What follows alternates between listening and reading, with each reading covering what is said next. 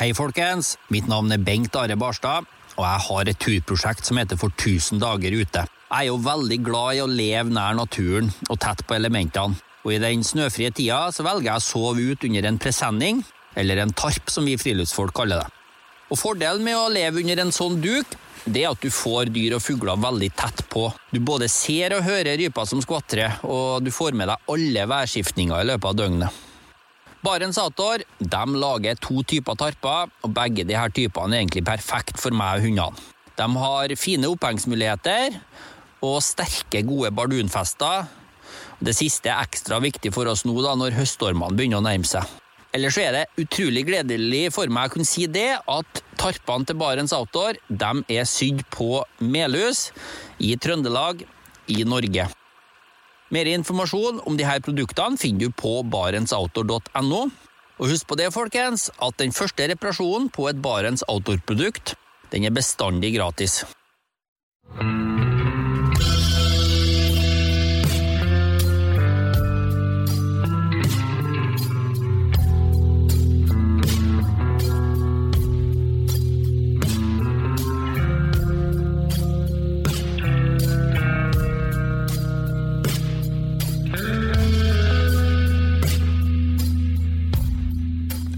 Hei og velkommen til podkasten Uteliv. Mitt navn er Randulf Valle. Dagens gjest er Jon Hobberstad, også kjent som Eventyrgutten på nett og sosiale medier. Hjertelig velkommen. Jo, tusen takk, tusen takk. Eh, Du er ikke en veldig gammel kar, Jon, men du har eh, rekt å gjøre litt av hvert. Altså, noterer bl.a. gjennomføring av Norge på langs, bokutgivelse om bålmat, og at du i dag lever av friluftslivet. Ja, stemmer det. Det er litt sånn eh, Jeg har på en måte aldri helt klart å sitte stille. Så det til å være ute på farten til enhver tid, det har alltid vært min ting. Og da blir ting litt gjort, hvis en ikke klarer å la være. Ja, det, det, det er et godt poeng. Eh, I løpet av dagens episode så skal vi for det første få bli litt bedre kjent med deg, og vi skal snakke om da to temaer som begge står eh, hjertet ditt nært. Det er tur, og det er mat, og da selvfølgelig kombinasjonen av de to. Og det er jo den beste av det. Ja, turmaten. Men aller først så lurer jeg som vanlig på, har du hatt en fin tur eller naturopplevelse nå i det aller siste? Ja, det kommer jo rett ifra veien, eh, og på vei til neste. Jeg har nettopp vært tre uker oppe i Finnmark. Det har vært helt nydelig. Det er skikkelig høst der oppe, det er fine, flotte farger. Litt kaldt på kveldene, men utenom det så er det flott. Du har til og med fått litt nordlys, og det syns jeg er veldig gøy. Så jeg er på vei ned sør, eller til vest blir det vel, og skal opp til Jostedalsbreen og gå på litt isbre og sånt. Så da passer det veldig fint å svinge innom i Trondheim her og få et lite avbrekk på veien. Ja. Eh, Hva er det du har gjort i Finnmark? Er det business eller pleasure, eller en kombinasjon? Det har vært litt begge deler, ja. Det Ja. blir litt sånn, eh, Mitt liv er litt sånn at det som er jobb, er òg pleasure. Så jeg har vært med på Vill Ungdom, som er en ungdomsfestival. Og så har jeg snakket med ja, ungdommene og deltakerne der. Og vi har lagd mat på bål. Det har egentlig vært litt det som har vært fokuset, og lære dem litt at det går an å lage andre ting enn pølse og pinnebrød. Og det er jo finnmarksunger, så de kjenner jo litt til naturens gang og hva en kan gjøre ute. Så det var veldig gøy, for det var unger som virkelig skjønte alt, da, veldig kjapt. Og så har jeg selvfølgelig brukt tida på pleasure òg, med å gå egne turer og møtt veldig mange spennende folk. Noen som jeg kjente fra før, noen som jeg ikke kjente fra før. Ja, og bare hatt det gøy, egentlig. Ja. Har du lagd eh, stekt reinshjerte? Nei, men jeg fikk, eh, fikk smakt eh, tørka reinhjerte. Mhm. Det var en av deltakerne som hadde med seg tørka reinhjerte, og fortalte at det var helt normalt der oppe å gå og kjøpe på Rema 1000, tørke det sjøl, og så spise det som snacks. Helt klart. Det er kanskje noe av det jeg savner mest med å ikke bo i Finnmark. Det at du kan ikke gå på Rema og kjøpe ni kilos esker med frosne reinhjerter for å lage turproviant. Nei, det var veldig spesielt å høre at det var livet der oppe, men eh, veldig gøy. Det er veldig gøy at en bruker naturen så tett, da. Til og med i lokalbutikken, liksom, så har en tilgang til alt. Mm. Men uh, du lever jo av friluftsliv, eh, og vi på min alder vi tenker jo liksom Arne Nævra og naturfilm og Lars Monsen med, med bøker og TV-serier og sånn, men, men uh, hvordan lever en, en kar på din alder av friluftsliv i dag? Det er klart det er en ny generasjon og nye måter å gjøre ting på, og, og primært så lever jeg jo av sosiale medier. Eh, og det er veldig gøy at du nevner akkurat det du nevner, for jeg har jo foreldre og besteforeldre som er litt oppe i åra, og de sliter litt med å skjønne hva jeg lever av. Eh, så prøver jeg alltid å tenke litt gjennom når jeg skal forklare til de hva jeg gjør. Eh, og det blir jo litt sånn Når en tenker sosiale medier, så tenker en òg fort veldig reklame. Og det prøver jeg ikke å bli for mye, men det, det er klart det er litt reklame. Eh, eller samarbeid, som er litt mer gøy å si. Altså en samarbeid med større marked innenfor samme segment, altså friluftsliv. Hvor en får ja, teste ut produkt og være med å utvikle nye produkt.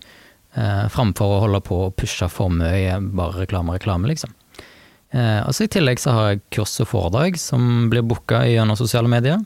Eh, og så har jeg jo skrevet ei bok, og der kommer det nok en oppfølger etter hvert. Mm. Så det går jo litt, litt, på det samme, men litt mer nymoderne med, med TikTok og Instagram som en base for å tjene til livets opphold. Mm. Hvor gammel er du, Jan? Jeg har rukket å bli 27 år. Oh, ja. Så jeg begynner å bli litt oppi åra, i går. Godt altså. voksen kar, altså. Men, ja, jeg er ikke lenger lov å være med i DNT ung. Så, du har ikke det, nei? Nei, dessverre. Nei, nei da, men du har igjen noen år til 30 enda. Ja da, jeg skal ikke, skal ikke si så mye. Det, det, er en lang vei igjen. Mm. Når du eh, jobber med, gjennom sosiale medier, altså sånn som mm. TikTok som du nevner, altså, eh, det er et relativt ungt publikum?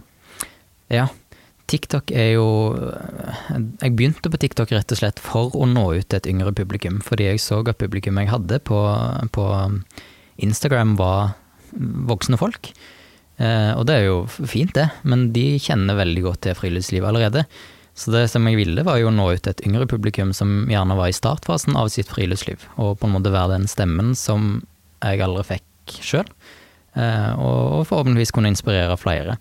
Så publikum på TikTok det er jo gjerne fra 13 år og oppover. Eh, så ser en jo at det kommer flere og flere som er på en måte på min alder og til og med enda eldre enn det, men, men i all hovedsak så er det jo de yngste som er på TikTok. Mm. Ja. Jeg tror nok det er en del godt under 13 der òg. Ja, det er det helt sikkert. Det ser en gjerne igjen på kommentarfeltet og det som kom inn av, eh, av spørsmål. Mm. Mm. For min, for min, del så er det jo det et helt sånn ukjent uh, territorium, men hvem, hvem, vet hva som vil eh, skje etter hvert. Men hva var, den hva var største naturopplevelsen i, på Finnmarksturen da? Nå i um, denne turen så var nok det jeg var på Jotka fjellstue. Der har jeg et vennepar uten fast bopel, som sikkert flere kjenner til. som inviterte meg inn på tur der. De bor der nå et år og skal være med som handlere for um, hundekjøring. Og når jeg får tilbud om å bli med 40 hunder på tur, så kan jeg jo ikke si nei. Jeg syns jo hund er kjempegøy. Eh, så jeg reiste inn der og var med de noen dager, og det var sånn veldig dårlig dekning, det var midt inne på Finnmarksvidda, du hadde vær og vind, sånn som Finnmark har. Sant? Det er jo ikke akkurat den sørligste plassen i Norge, for å si det sånn. Eh, og det var utrolig gøy, å bare få være så tett på naturen uten å måtte tenke på noe annet, egentlig. Mm. Høres bra ut. Jeg kommer sjøl egentlig rett fra Dividalen i ja. indre Troms, og har òg hatt noen dager helt avkobla sammen med, med høstfargene og, ja. og, eh, og Øvre Dividal nasjonalpark. Da. Så det, det har vært ja, det, eh, det stor stas. Det blir like gøy når vi skal snakke om Norge Blanks, for da kommer jo akkurat dette med å være avkobla som et problem, faktisk. Ja, det, det, kan det jo for så vidt eh, være. Men du bor òg altså i bilen nå, det skal vi òg komme tilbake til. Mm, mm. Så du har, du har, heller ingen fast bopel? Nei, jeg har slutta med det. Mm. Det passet ikke helt inn i, ja, i, det livet jeg ville ha, så da prøvde vi litt uten. Ok. Men eh, la oss eh, ta turen tilbake til begynnelsen. For du er jo fra, fra Rogaland? Ja, fra Jæren? Fra Jæren, ja. Så det ligger jo eh, Varhaug heter det veldig bestemt. Det ligger en liten time fra Stavanger sørover. Veldig liten plass. Eh, veldig bondeplass, altså masse gårder, masse gardsdrift. Eh, som jeg syns er kjempefint, egentlig, for jeg tror det har veldig mye å si for hvem jeg har blitt i dag, da. For jeg har vært så tett på naturen. Tross alt så er jo Jæren Norges flateste plass, altså det er jo ikke et fjell i nærheten. Men allikevel så har jeg blitt veldig tett opp mot naturen og naturens gang, og det tror jeg kommer veldig mye av at jeg kommer fra gård. Mm. Jeg har jo bare vært på Jæren én gang. Jeg har hyra inn for å holde et foredrag for Vigrestad IL. Ja, da er det bare nabobygda, det. Ja.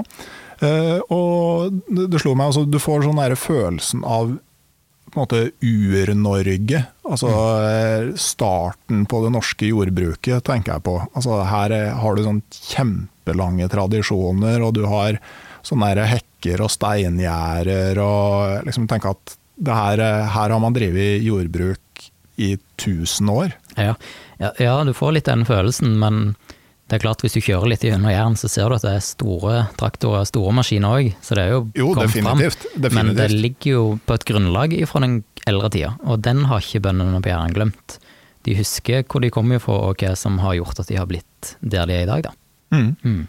Men, eh, men du sier liksom det med å vokse opp på, på gård, altså sånn som for matinteressen, kan du liksom Mm. konkretisere litt? Eh, Ja, altså eh, Når jeg vokste opp på gard, så er jeg jo og jeg er først og fremst en veldig stor familie. Jeg har seks eldre søsken.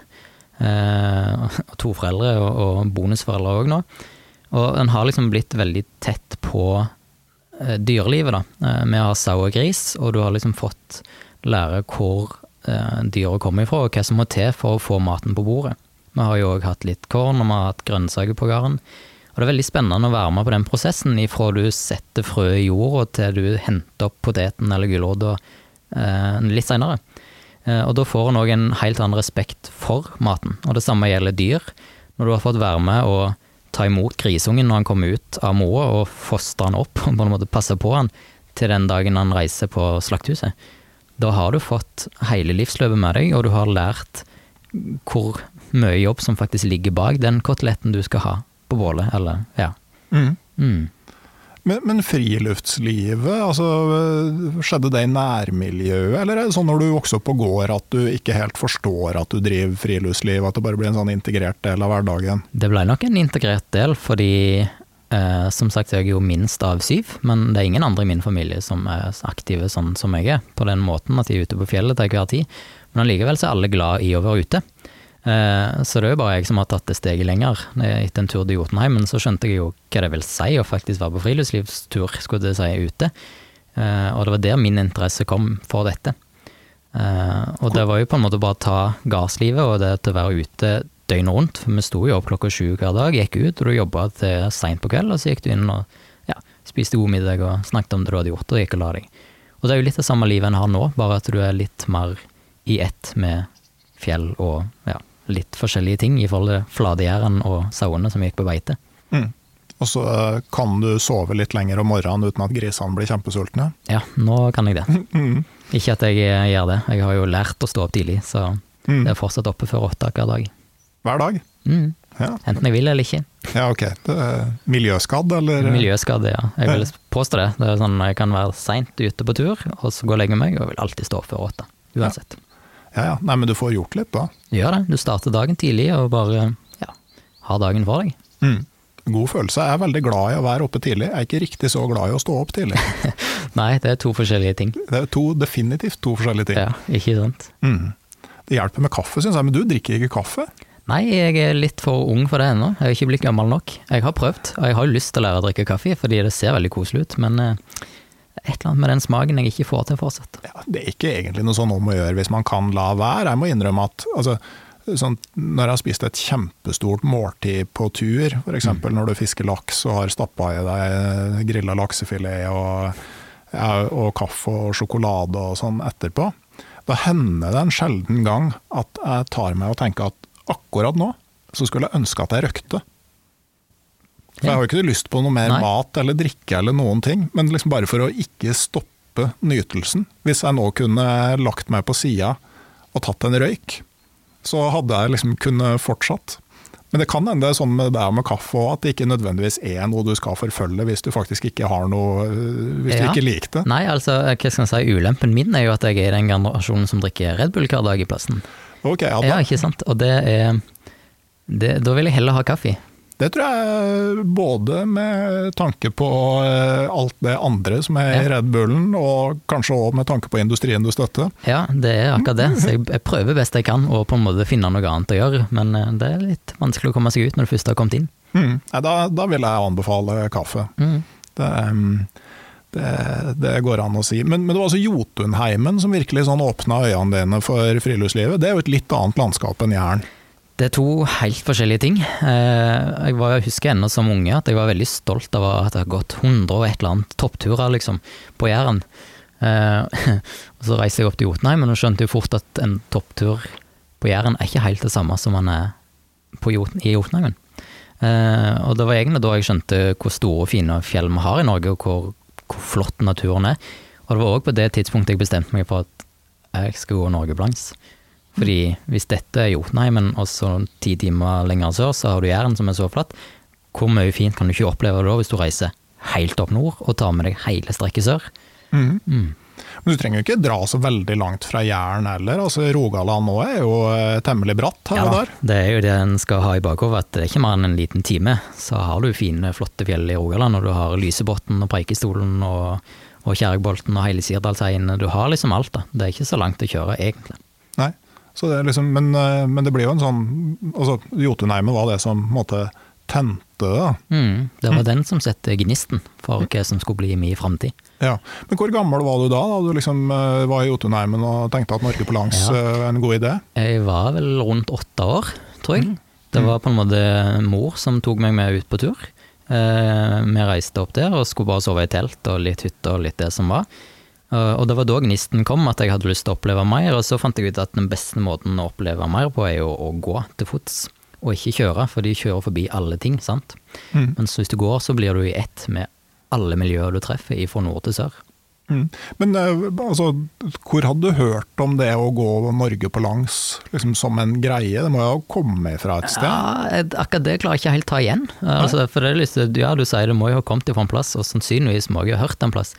Men det var en idé som bare traff meg blinkt rett i at uh, Norge på gå til fots, det må være en god idé. Men jeg kan ikke ta igjen at jeg faktisk hadde sett noen andre, eller hørt noen andre ha gjort det. Nei, nei, nei. Så jeg er litt usikker. Men det gikk jo en del år, da, for uh, det kom jo en ungdomstid der jeg var litt sånn rebell og ikke skulle gå tur, sånn, fordi det var jo kjempekjedelig. Jeg skulle spille spill og sånt som var enda kjedeligere, syns jeg. Mm. så det gikk et par år der som ungdom at jeg på en måte ikke var ute. Og så, når jeg fant ut at jeg kunne gå med mine venner på tur, og ikke være med mor og far, da ja, fikk jeg gnisten litt tilbake igjen. Mm. Ja, det høres jo på et vis sånn kjent ut. Altså, ja, jeg, jeg tror hadde, flere har vært borti det. Eller For min del så hadde jeg jo foreldre som ikke eh, altså De hadde jo ikke telt og var ikke vant til å dra mm. på telttur, så det at jeg liksom måtte finne ut av det på egen hånd, var jo mm. veldig sånn der Du kunne gjøre noe til ditt eget, da. Det tror ja. jeg var liksom viktig. Ja, det er jo litt gøy. Jeg er jo veldig heldig som har spesielt ei mor som er veldig glad i friluftsliv. Og jeg husker ennå første telttur. Fordi jeg ble jo innprinta med at ja, natur og friluftsliv skulle være gøy. Så vi skulle sove i telt, og akkurat den dagen vi skulle sove i telt for første gang, så var det skikkelig dårlig vær. Det regna ute, det blåste stikk og strå. Eh, jeg kan ikke ha vært mer enn åtte-ni år. Um, åtte var jeg vel kanskje. Og da setter vi rett og slett opp teltet inne i stua. Mm. Og så skulle vi fyre bål. det hadde jo jeg bestemt meg for om vi skulle, og mor skulle jo være så snill som hun kunne, så jeg fikk jo ikke lov å fyre bål inne, da, men jeg fikk lov å fyre primus og rødsprit. Som kanskje ikke var så veldig mye lurere. Og vi endte jo opp med at vi fikk et veldig svart tak med alle, ja, alle avgassene, all soten som kom for det. Så det var jo litt sånn, ja, vi måtte jo male litt og styre litt for å få dette fiksa, men det var en utrolig fin start på friluftslivet inne i stua. Mm. Ja, jeg har hørt flere som liksom starter med det, med det der, da. Mm. Eh, men jeg tenkte vi kan gå tilbake til boka di 'Mat på bål'. Ja. Eh, hvordan, eh, hvordan, var prosessen fram til den? den? Den begynte egentlig på Instagram som et prosjekt der, fordi det var så veldig mange som kommenterte at du kan bare lage pølse og pinnebrød. Eller det vil si, de kommenterte det ikke, men når jeg gikk ut på Instagram og spurte folk hva kan jeg lage, når jeg skulle ut og lage mat på bål, så fikk jeg ofte det som svar. Pølse, pinnebrød eller pølse med pinnebrød rundt. Det var liksom det det ofte gikk igjen i. Eh, men så har jeg vokst opp litt med å jobbe med mat. Jeg har vokst opp med ja, å bruke naturen ute. Så da var det liksom sånn Jeg bestemte meg veldig fort for at jeg skal bevise for noe at det går an å lage andre ting. Så jeg satte i gang et lite prosjekt der jeg skulle lage vanlig mat som vi lager på kjøkken, bare ute. Og da skulle jeg spesialisere meg, eller rett og slett, da skulle jeg ha fokus på de tingene du gjerne lager i steikeovn, så du tror det er ikke sjans om å lage ute. Så jeg begynte med cookies, var vel den første som jeg lagde. Uh, og det var litt fordi det var en vanskelig oppskrift å kopiere, fordi cookies skal jo egentlig på en måte smelte inn i stekeovnen, og så skal du la de stå litt, og så skal de bli veldig mjuke på innsida og veldig harde på utsida. Um, så skulle du prøve å få dette til å bli en oppskrift på bål der du steiker de. Så det var liksom en oppskrift der jeg måtte jobbe. Jeg måtte snakke med folk som kunne ingredienser, finne ut litt hva ingredienser er det som lager hold, hold her, hva ingredienser er det som lager de myke. Og så fant jeg en oppskrift til slutt som funka, der en kan steike de, og så får du fortsatt den der litt crunchy harde utsida med skikkelig mjuk og fudgy innsida. Eh, og den tok jo på en måte si, Den tok Norge med storm, på en måte. På sosiale medier så skulle jo alle lage dette. Og det var utrolig gøy, og da fikk jeg en sånn Jeg blei så inspirert av å se at dette inspirerte andre. At dette fikk folk ut på tur, og ut rundt bålet. Um, og da fant jeg ut Ja, men én ting er å se det her, men hvis jeg kan samle mine beste oppskrifter, og gi det som ei bok som kan være til inspirasjon, så må en jo teste det. Så jeg tok kontakt med et forlag som var lokalt hjemme på Jæren, og lufta ideen. Sa litt hvem jeg var, og hva jeg drømte om, og hva jeg ønska å oppnå med boka. Og de var jo veldig glad i den tanken.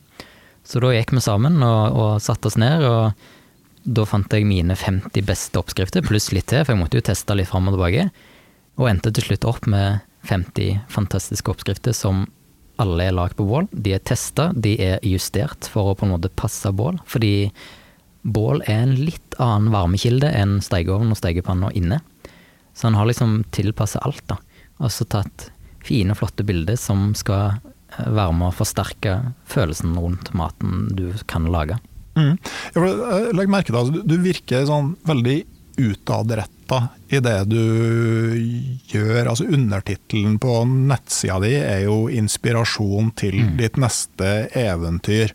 Det virker som en veldig sånn der, tydelig tanke om at du skal inspirere andre gjennom det du gjør. Ja, det er blitt det. Eh, det er rett og slett fordi sagt, det at jeg kan inspirere andre til å gå ut, og når jeg får se at andre går ut fordi de har sett et innlegg eller et eller annet jeg har lagt ut på nett, det gir meg utrolig mye tilbake. Altså bare den tilfredsstillelsen av å skjønne at du har påvirka noen andre positivt, den gir meg så utrolig mye i livet. Og da har det blitt på en måte min ting, at jeg skal, hvis jeg kan fortelle min historie og fortelle mine eventyr, på godt og vondt, og at det kan hjelpe andre til å komme seg ut, ja, da skal jeg faktisk ta meg den tida og gjøre det. Mm. Men når du sjøl bor bor i bilen og altså, I hvor stor grad lager du de rettene her sjøl, og i hvor stor grad blir det pølse i stekepanna? I bilen så blir det faktisk sånne retter som dette hver dag. Ja. Eh, stort sett. Det er ikke veldig mange dager når jeg har noe enkelt eh, med sagt annet. Det hender av og til jeg bare koker pasta og litt eh, pølser til, bare for å gjøre det veldig kjapt hvis jeg har dårlig tid. Men stort sett så prøver jeg å lage skikkelig middag i bilen òg. Mm. Lager du da inne eller uh, ute? Eh, det blir inne fordi de der jeg har steikemuligheter. Ja. Mm, det er vel det letteste. Men med åpen dør, sånn at jeg kan sitte og se ut. Og så har jeg jo en hund som elsker å springe, så hun får som regel lov å bare daffe rundt der hun vil mens jeg lager mat. Og så sitter jeg i døråpningen og spiser og ser på hva enn jeg har parkert foran. Mm. Høres ikke så ille ut, det. Men uh, boka jo som sier, veldig sånn visuelt uh, tiltalende. Å dele mm. opp uh, i, i, frokoster og lunsj og middag. Ja, den deler opp i, i alle kategorier, sånn at en lett finner fram hva en ønsker og hva en skal ha. Og så er alle oppskriftene forenkla litt, sånn at, at du ikke trenger altfor mye dilldall. Du trenger ikke ha med deg all slags rare greier, fordi jeg har gjort det veldig enkelt. Og så er det litt det jeg savna i flere andre bøker i litt samme kategori, at det var litt lite bilde og veldig mye tekst. Så jeg har gjort det litt omvendt, at jeg har gjort teksten veldig enkel. Sånn at du skjønner kjapt hva du skal gjøre, hva du trenger. Og så har jeg brukt veldig visuelt fine bilder som, eh, som viser egentlig hele prosessen fra start til slutt i bildet òg. Mm. Så det gjør det veldig lett for både små og store å, å se hva en kan lage ut av boka. Eh, men eh, sånn, eh, blant 50 retter, da, altså, mm. sånn, hva er det som har blitt favorittene dine til frokost, lunsj og middag? Den er alltid litt tricky. Min ultimate favoritt er nok pannekakene. Det er kanskje òg en av de enkleste, som er litt teit å si. Men, men det er fordi den er såpass enkel å lage hjemme. Du har den i steike i ei flaske, og så kan du steke de ute rundt bålet. og da kan du bruke enten bær du har plukt langs veien, eller du kan ta med deg kjøttdeig og steike på sida, eller bacon eller egg. Altså, det er så mye som er godt til pannekaker. Mm. Så kan du bruke det som dessert, du kan bruke det som frokost, og du kan bruke det som middag. Mm. Men rent middagsmessig, hvis en kan snakke litt mat med hold i, så er det den ei eh, oppskrift som ble en sånn sop i hop for min egen del. Jeg skulle ut en søndag, og så bare så jeg hva jeg hadde i kjøleskapet, tok med meg det og reiste. Og det er da blitt kalt eventyrgryter nå. Som er pasta og tomat som er kokt sammen med pølser og, og fløte og, og vann. Og så lar du egentlig bare det stå og koke for seg sjøl i 10-15 minutter, en sånn skikkelig one pot-greie. Og det blir så godt. Mm. Det er liksom sånn, du, du, får så mange smaker inn i så veldig lite. Og det har blitt en veldig sånn, den tar jeg ofte med, fordi den liker både store og små. Mm. Mm. Det er jo på en måte veldig i eh, en sånn lang eh, friluftstradisjon òg, egentlig. Mm. Både pannekaker og sånne gryter. Jeg tenker altså Adolf Lindstrøm, store polarkokken. Mm. Han eh, var jo først og fremst, eller han var jo kjent for veldig mye. Han, han var jo veldig viktig for Roald Amundsen, både i Nordvestpassasjen og på Sørpolekspedisjonen. Men han hadde jo en pannekakeoppskrift. Han lagde pannekaker til frokost hver eneste dag. Hotcakes, eller hotkjekker. Mm. Og eh, det triste er at han tok med seg oppskriften i grava. Ja, ikke sant. Ja, det er litt, eh, litt, kjipt, for du sitter gjerne og ser på hva han har gjort, og så tenker du det så veldig bra ut, og så får du ikke helt vite hva det egentlig er oppi. Og det var jo litt, eh, ja, det var litt en motsetning som kom for min del, for jeg fikk jo ofte spørsmål på sosiale medier. Ja, 'Hva oppskrift, og hva har du gjort?' Og det var litt den som trigga den til å, å, være med og dele det. Mm. Mm. Eh, men, eh, men, sånn som når du legger ut eh, altså, En ting er jo maten, men en ting er jo maten, men du, du har jo ei utstyrsliste. For det er jo noe du trenger litt forskjellige ting for, ja. å, for å, lage mat. Og jeg tenker det var veldig lurt å starte utstyrslista med søppelposen. Mm. Det er jo litt sånn Folk vil jo ha det veldig enkelt. Så derfor ble det veldig viktig for meg å få med på en måte alt. da. Altså alt du trenger av utstyr, alt du trenger av ingredienser. Og jeg begynner alltid med søppelposen, fordi når vi skal bruke naturen, så er det veldig, veldig viktig at vi òg tar vare på den. Så søppelposen skal med, fordi en skal ha med seg alt tilbake igjen. Og det gjelder i stor grad òg veldig mye matrester. Eh, hvis den, spesielt hvis en er plasser der det er veldig mye folk, så tenker ikke alle over at f.eks. bananskall og, og appelsinskall og sånn blir liggende veldig lenge før det råtner. Så jeg oppfordrer alltid alle til å ta med seg alt. Og om du finner andre sitt søppel, så skal han ta med seg det òg. For det er vårt ansvar å holde orden i naturen, vi som bruker den. Mm. Enig der. Finner du store mengder søppel? Jeg fant en søppelhaug i Indre Troms, en gammel en i ei ur. Ja. Da kan man jo markere stedet på kartet og gi beskjed til fjelloppsyn mm. eller, eller, tilsvarende. Hvis det er rett og slett såpass mye glassflasker at eh, det var ikke noe håp om å få det med seg ut igjen. Mm. Men uh, gryta er jo uh, viktig når du skal, uh, skal lage mat. Men, men ei gryte er jo på en måte ikke bare ei gryte. Hvordan Nei. er idealgryta di? den beste gryta er jo egentlig ei sånn jerngryte. Den er jo tung, så den er litt kjip å ha med seg, men den er lettest å lage mat i. Det er veldig lett å på en måte ikke brenne maten. Um, men skal en ha på en måte den beste gryta for begge deler, både korttur og nærtur og langtur og det som er, så, så er det type ei veldig lett aluminiumsgryte på ja, tre, kanskje fire liter. For da får du med deg alt du trenger oppi. Gryta veier veldig lite, stort sett rundt 500-600 gram, og kanskje enda litt mindre. Og så er det hvis en passer på å røre litt, så er det jo veldig lett å holde maten fin oppi der òg. Mm. Jeg har lyst til eh, altså Det er jo noe med det med å kjøpe ting som vare. Mm. Og hvis du vet du skal være mye på tur, og lage mye mat på tur, mm. så vil jeg slå et slag for å ta investeringa i ei titangryte. Ja. ja. Eh, den er jo veldig tynn, veldig lett, men det viktigste er jo at den blir aldri bulkete. Eh, for en, i hvert fall mine store aluminiumskjeler som har vært med på vintertur og du har slått isen ut av dem og sånn, de ser jo ikke ut eh, etter hvert. Nei, men Er det så viktig at alt skal se så fint ut på tur? Nei da, det er ikke det. Men, eh, men det blir etter hvert, når det blir veldig bulkete og sånn, så blir det jo ikke rundt. Sånn at det å få ting ned i det blir vanskeligere. Lokket Trykket passer ikke på lenger. Det, er sant, det har òg en effekt på varmen. Ja, sånn at mm. det, blir jo, altså, det blir jo fortere ødelagt, rett og slett. Mm. Mens jeg kjøpte ei titangryte for en del år siden, som, den ser jo ikke ut den heller, den er kørsvart. Mm. Men den har ingen bulker, sjøl om den er mishandla på det grøvste. Jeg er faktisk litt usikker på hvilken gryte jeg har, men, men ja. Altså ei gryte som holder. Og det er jo veldig viktig uansett det når en skal ut på friluftsliv, enten det er gryta vi snakker om eller telt, mm. så er det jo kjøp noe som holder, og tenk litt på bruken, da. Mm. Hvis du ikke er så mye ute, så er det kanskje lurere å låne. Mm. Og så er det for så vidt også stål, det er jo et, et alternativ. Da, mm. sånn, eh, men uh, skjærefjøl og kniv, skrev du, har du noen sånne preferanser på kniv? Eh, nei, akkurat på kniv så er jeg litt sånn det er ikke så viktig, føler jeg. Fordi jeg bruker en vanlig speiderkniv, skulle jeg si. Kan du gjøre alt med, du trenger ikke en fancy kjøkkenkniv som du skal kunne lage de beste filetene av. Sant? Fordi er du på tur, så er du på tur. Mm. Og så syns jeg det er veldig greit å ha en kniv som kan brukes til så mangt. Altså både å lage mat, men òg spikke pinne og sånt. Og gjerne hvis du har en litt større kniv som du bruker til å kappe greiner og det som er, så er det, går det fint når du bruker den òg. Mm. Ja, jeg er for så vidt enig. Altså, vi, mm. sånn På reine fisketurer så hender det unner meg å ha med filetkniv. Ja, ja det, det, forstår jeg veldig godt. Nå er jo jeg faktisk den rare fyren som ikke er så veldig glad i fiske. Eh, så jeg har ikke helt kommet der at jeg har eh, lært meg utstyr for fisking. Jeg har begynt, da. Så kanskje det kommer en dag der jeg òg begynner å si det, at det er lurt. Ja, altså hvis du, er, hvis du er interessert i turmat, så du, du nekter deg jo veldig mye glede da, ved å ja. ikke å fiske. Ja, men jeg har ikke tålmodighet til å stå og vente på fisken. Nei, det er men, det som er mitt problem, at jeg, det er lettere å gå og ta med seg noe fra butikken. Mm, det, det, er jo for så vidt sant, men, mm. men, jeg tenker når du er på, på tur altså en, en, kompis av meg har en veldig sånn grei måte altså Han er jo veldig tålmodig, mm. men han har òg et triks. Da, at når du er i leir, så står stanga rigga, og hver gang du skal ned til vannet, så tar du fem kast. Mm. Uh, og det er jo sånn at fisken ofte har sånne perioder hvor den er bitevillig, og da merker du det. Ja.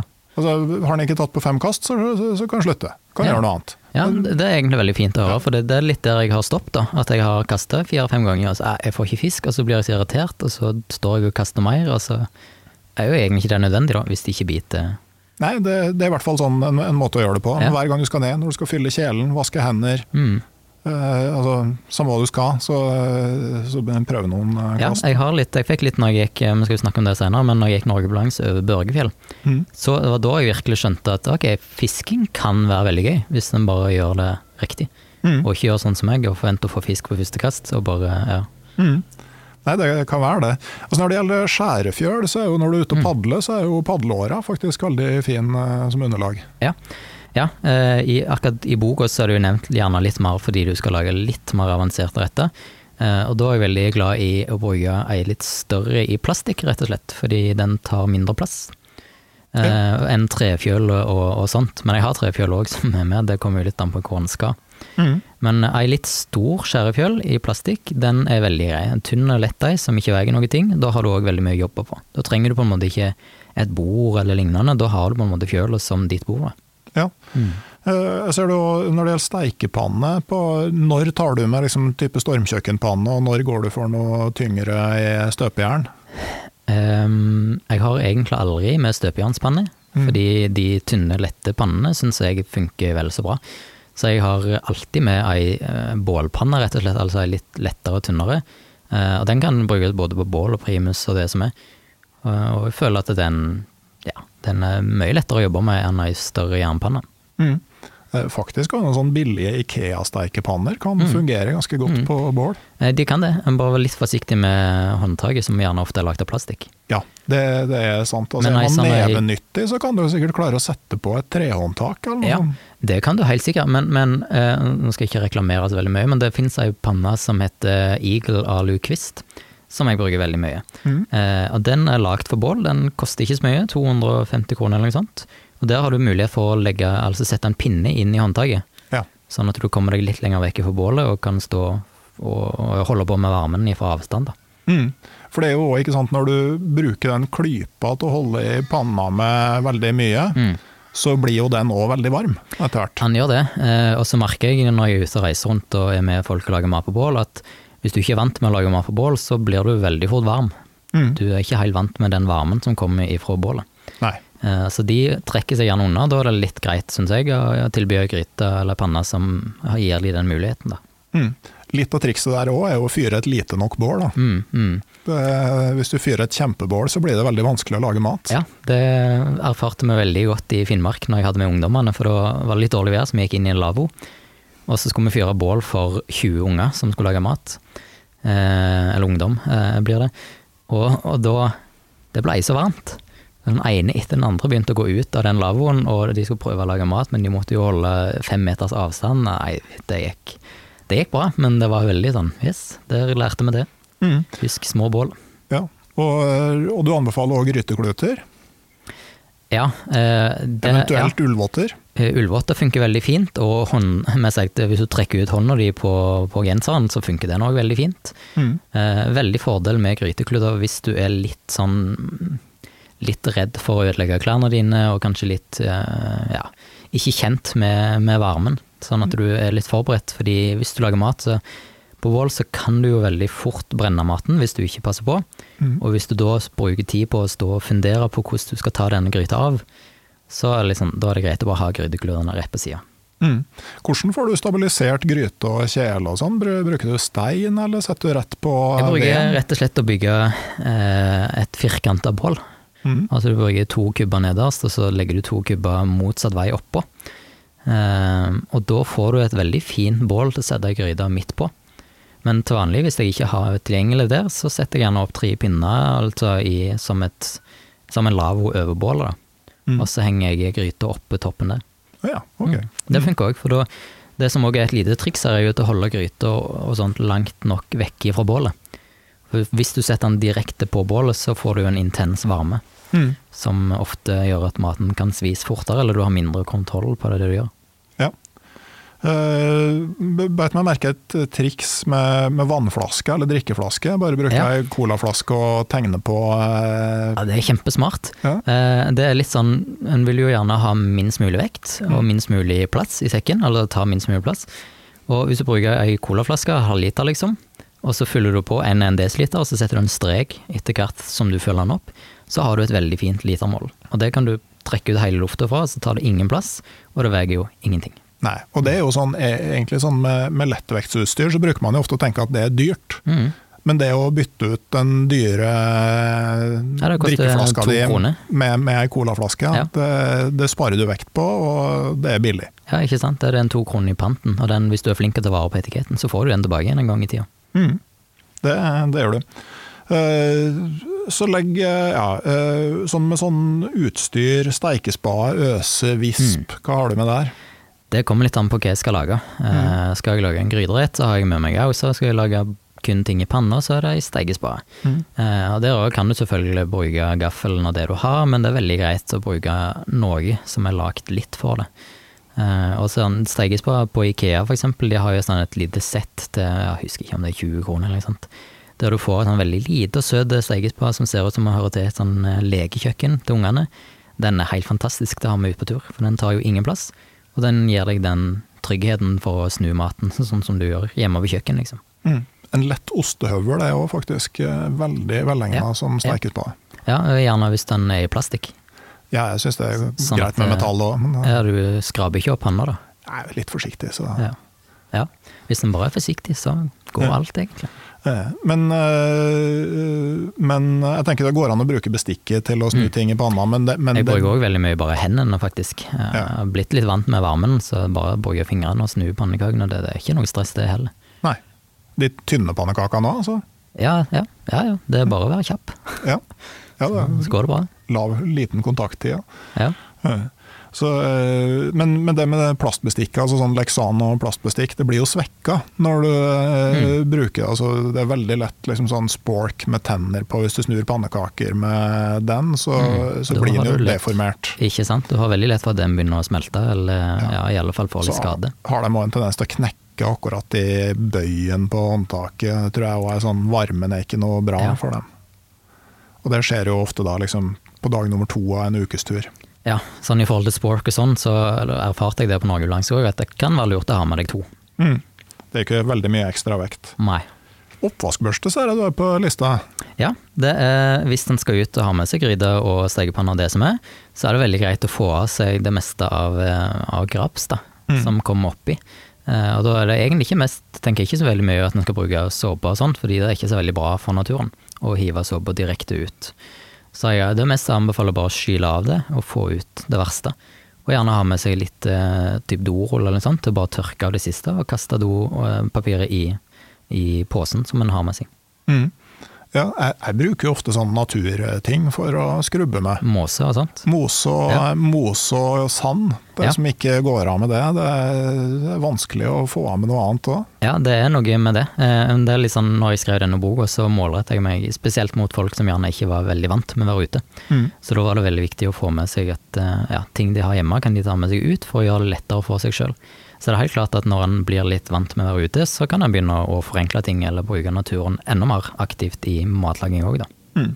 Og skulle du liksom på en lengre tur eh, føle behovet for å ha litt sånn såpevask av utstyret, så, så er jo et triks da å ikke tømme det rett i bekken, men Mm. eh, liksom eh, finne en grusbakke eller noe Ja, sånt. Ja, en plass der du kan, naturen kan filtrere det på en effektiv måte, da. Mm.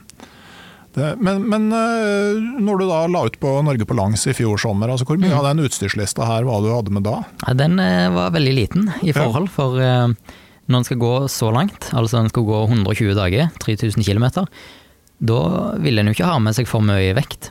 Så det var veldig viktig for meg å finne en balansegang der, på at jeg hadde med meg nok utstyr til å kunne lage litt ok mat utover real turmat, liksom.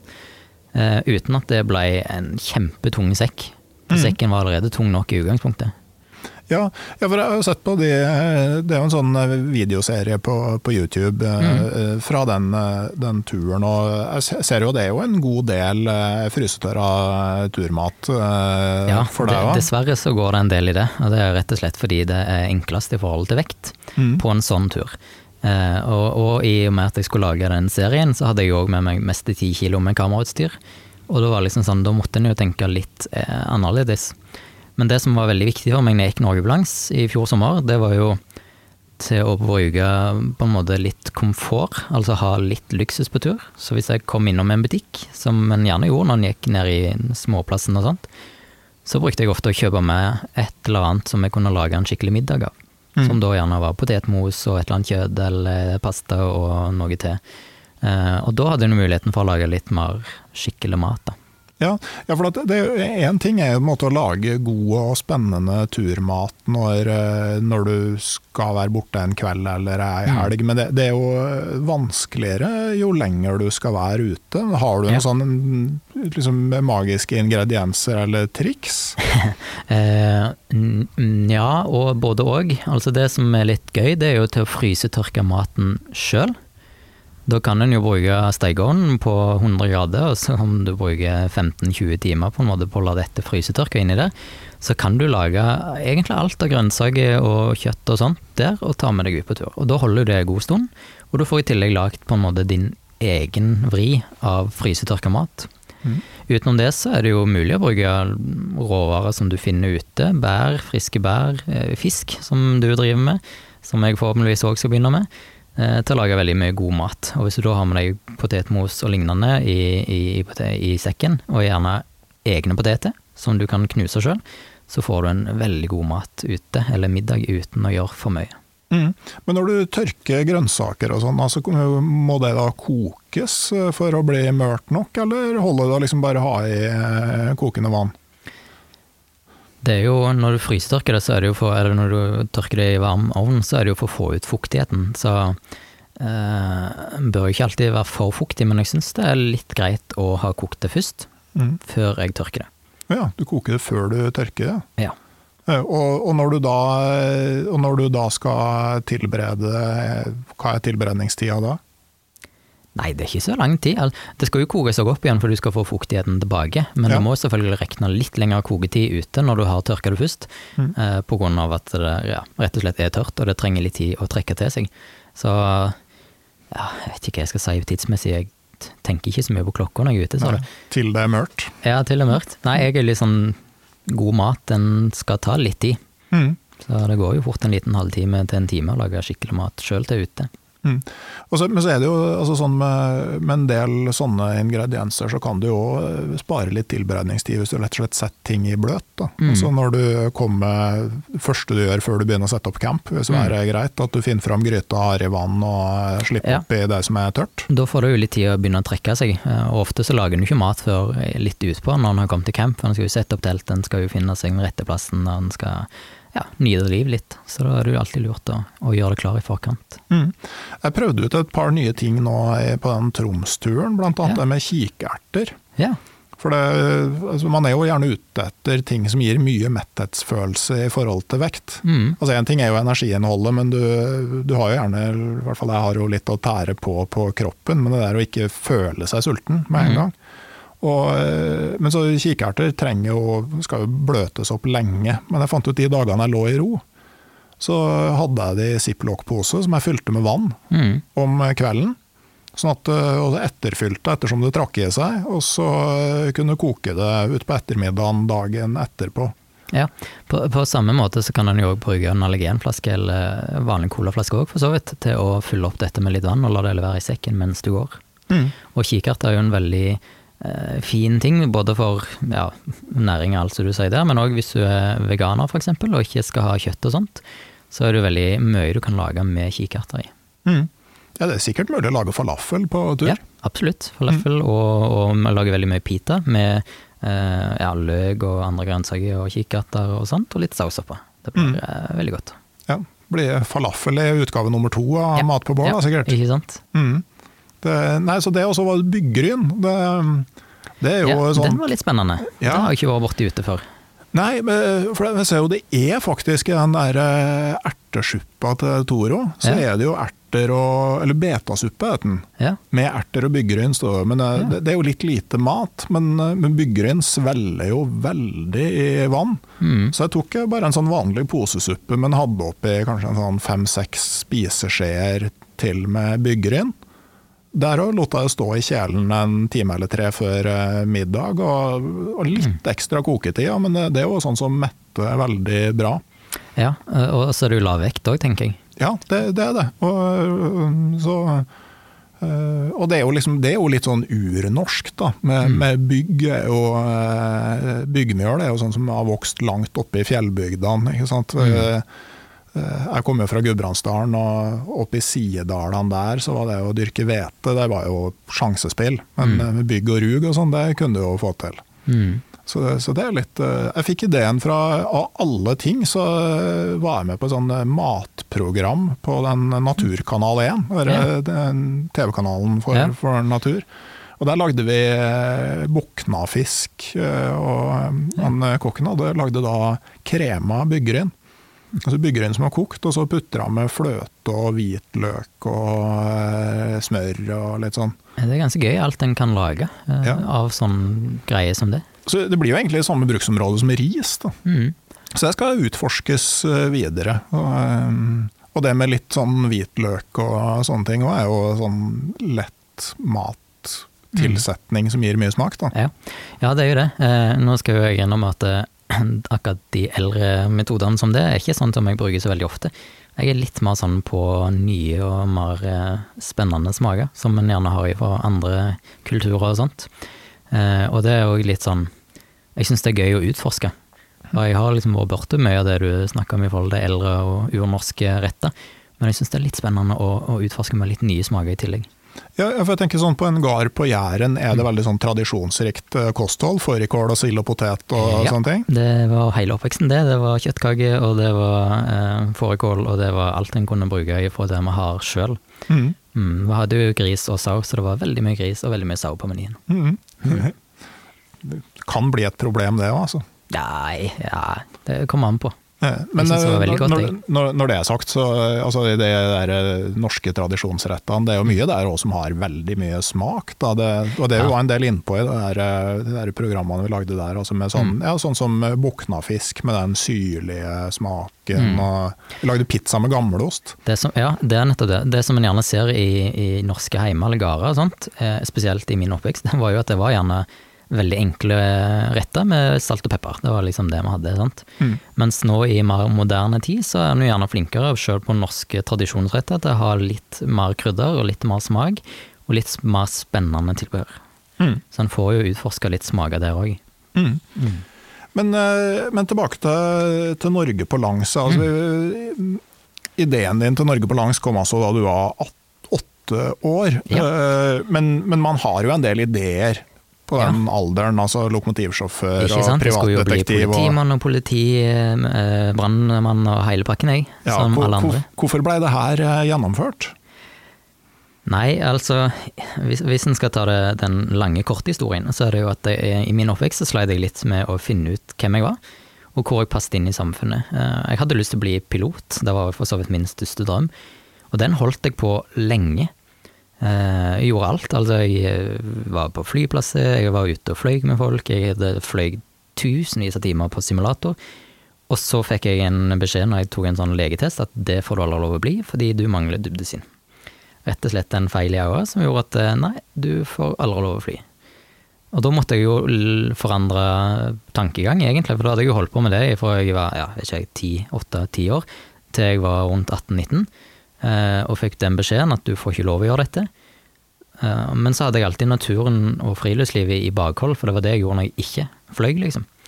Um, og da fant jeg ut at kanskje jeg skal utforske litt mer hva jeg kan gjøre rundt dette, og, og finne en glede i noe annet jeg likte, når jeg på en måte sleit litt med sorg i en, i en drøm jeg ikke fikk. Eh, og så utforska jeg litt videre det med å være på tur, og dreiv litt med geocaching, eh, som er en slags elektronisk orientering der en er ute og springer etter poster med mobilen. Og da fikk jeg brukt min interesse for mobil, samtidig som jeg fikk lov å være ute. Eh, og det utvikla seg til slutt til å bli eh, sosiale medier, Instagram og TikTok og det som er. Og, og da fikk jeg jo mer muligheter rundt sos- med sagt, å være på tur, og dokumentere det jeg gjorde, og, og bruke tid ute på det. Um, så det, det tok jo litt tid før Norge på langs ble en realitet.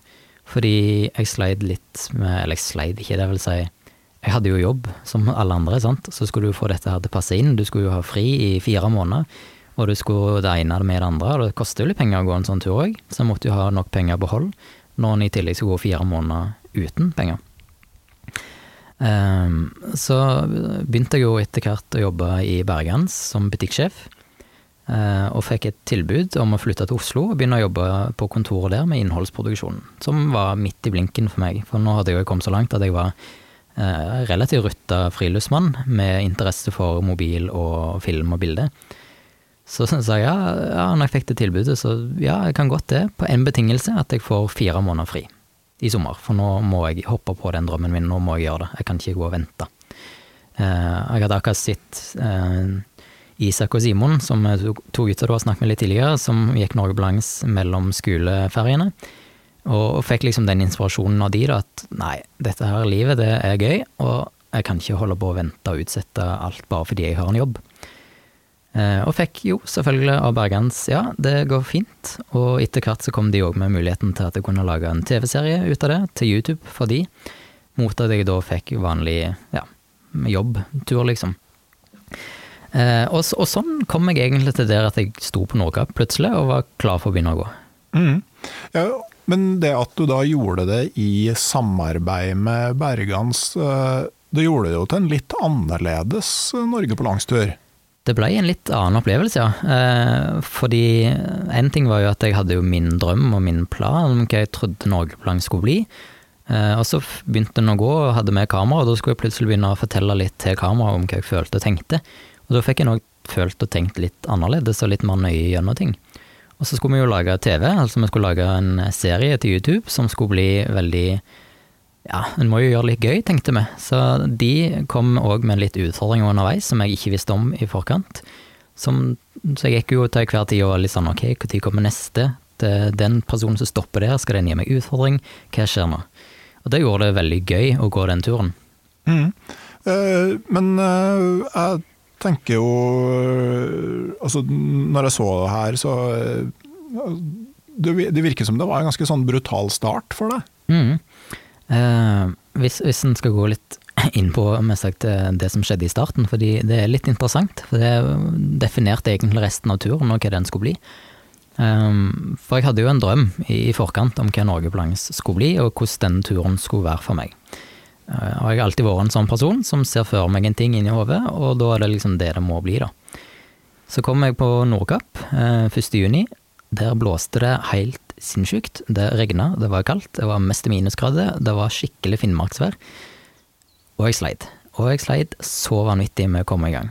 Det piska i ansiktet. Jeg hadde ikke lyst til å fortsette, jeg hadde bare lyst til å reise tilbake igjen til hotellet og bare avlyse alt. Men så kunne jeg jo ikke det. Jeg, sant? jeg var jo nødt for å ja, ok, det, kan ikke gå Norge på langs uten å møte litt motstand. Uh, og gikk typ én eller to kilometer og slo camp første dag. Det var liksom så langt som jeg kom, og det var så kjipt. Men neste dag så, så var det sol og fint vær, og det var relativt varmt til å være der oppe. Og det blei liksom Det snudde veldig fort, da. Det ble en veldig fin tur over Magerøy. Uh, og så kom jeg til starten av Finnmarksvidda, og da snudde alt på nytt. Til det veldig, veldig, veldig motsatte. For da ble jeg jo aleine for første gang, på en måte, oppe på Finnmarksvidda. Jeg hadde ikke dekning, det var dårlig dekning på GPS-en i utgangspunktet, så jeg visste jo ikke helt hvor jeg var til hver tid. Jeg møtte jo ikke ei sjel, ikke et menneske å se på mils omkrets. Det var kun reinsdyr, meg, Kaila, snø, og kjipt og kaldt. Og da skjønte jeg veldig fort at denne turen ville nok bli mer en kamp mot hodet enn han ville bli for det fysiske sin del. For jeg var jo sikker på at det var liksom sekken og det fysiske med å gå som jeg skulle slite med. Men her kjente jeg litt på den at alle som jeg var glad i, de var jo hjemme og hadde det kult. De gikk i parken, de var liksom ute med familien og koste seg, og ja. Og her satt jeg i en teltåpning og skulle liksom kose meg, men eh, jeg sleit litt med å få den gleden. Mm. Så det ble en veldig tøff tur over Finnmarksvidda. Jeg vurderte helt seriøst å knekke foten min med vilje, fordi da hadde jeg i alle fall en grunn for å gi opp, en grunn for å reise hjem. Eh, for jeg ville liksom ikke gi meg når jeg først hadde fått så mye motivasjon og hjelp i hverandre til å komme i gang, da. Jeg har en hund som knakk foten rett før, og det var jo en, en hel prosess, bare det. Til å få inn eh, penger til å fikse denne foten. Han koster jo over 100 000 bare å gjøre det, liksom. Oi. Og det var så mange som hadde vært med og hjulpet på det prosjektet. Da var jeg litt sånn, Jeg kan jo ikke gi opp, sant. Så hvis jeg knekker foten, så har jeg jo en grunn. Men jeg holdt, holdt det gående, beit i meg, grein i teltet og bare hadde det kjipt. Og så kom jeg ned til E6 etter hvert, og der stopper det en bil.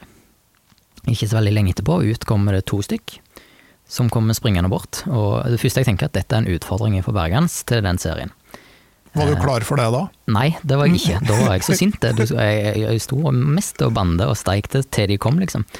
Så skjønte jeg at det var jo ikke det. Det var to stykk som hadde fulgt med på reisen fra start. Som hadde fulgt med på planlegging og drømmen, liksom. Og de ville bare komme bort og gi en god klem, og gi meg en sjokolade og ta et bilde, og liksom Og heie. Sånn, de var liksom sånn veldig sånn Ja, vi er så mot, ah, det er så kult det du gjør, og liksom så kult at du følger drømmen din, og sånt. Og når de da satte seg i bilen og kjørte, da var jeg en helt annen person. For da skjønte jeg virkelig den der at ja, det jeg gjør er jo drømmen. Det er jo det jeg har lyst til å gjøre, og det vil være tungt, og det vil være motstand, men, men det jeg gjør, er jo det som faktisk er kult, da. Mm. Mm. Men det er jo noe å tenke på for de som har tilsvarende tanker, da. Mm. At i det du Jo mer opplegg du lager rundt det, øh, jo mer av kontroll over prosjektet gir du faktisk bort, da. Mm. Ja, jeg var nok ikke klar over det når jeg sa ja til å lage en film eller serie ut av dette, at det vil bli så mye. Eh, men det er klart, da hadde en plutselig litt mer forpliktelser og litt mer tanker hvem en skulle opp med. så en var ikke helt samme måten fri til å gjøre det en ville. Men det er på godt og vondt, da.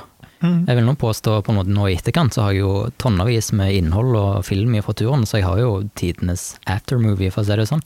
Så en får jo virkelig oppleve turen på nytt hver gang jeg sitter og ser på det. Og det er veldig gøy eh, å ha vært med og gjort noe sånt. Men du sier jo med ti kilo kamerautstyr og, og, den prosessen altså Noen tror at det å lage film er omtrent som å ta bilder. Ja, nei, det, det Eller det å lage YouTube-video ja. er det samme som å lage klipp til sosiale medier, men det er ikke det. Nei, det er noe helt og annet. Det ser jeg jo på en måte når folk kommenterer at jeg lever av sosiale medier òg. Ja, du er så heldig du tar bare et bilde og legger ut. Altså, sånn, det er utrolig mye planlegging og jobb som folk ikke ser, som eh, ting som skjer bak kamera.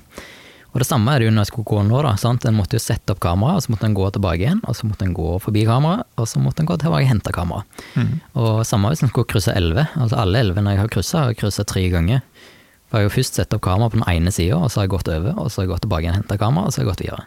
Ja, og Ideelt sett så skal du jo helst ta én kryssing til med en annen vinkel, sånn at Ja, så den som redigerer har to å klippe mellom. Ikke Det sant? mye sånn, og så skulle en fly litt droner, og så måtte en sette opp det, og så er det jo veldig viktig å finne ut hvor du har lov å fly droner, og du skal ikke fly i nasjonalparker, for du skal ikke forstyrre dyreliv, sant. Det var jo så utrolig mye, og så er det sånn, husk å ha nok vinkler, husk å snakke til kamera, husk å fortelle hvordan dagen har vært, eller hva som var kjipt, eller hva som var gøy. Eller det er liksom, Mm. Og når du da har tatt to versjoner av den samme hendelsen, og så innser du at du har tatt det fra forskjellig retning, sånn at Ja. du går mot høyre i det ene bildet Ja. og mot venstre i det andre, f.eks. ja. Det, Det var veldig mye sånn. Eh, Nå var jo heldigvis da både Bergans og for så vidt de som har eh, klippet sammen dette, veldig eh, klar over at dette var første gang jeg gjorde noe så stort.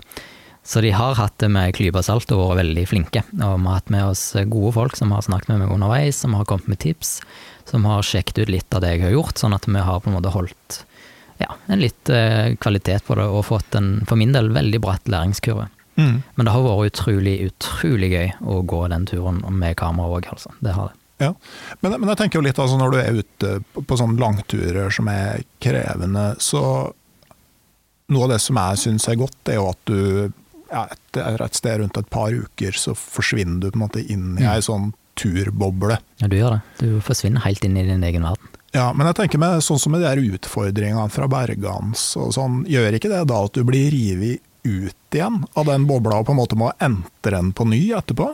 Eh, ja, både òg. Altså, utfordringene de var jo ofte De varte gjerne bare en dag. Um, og da kom det litt nye folk, men det var folk som jeg ikke hadde møtt før, stort sett. sant?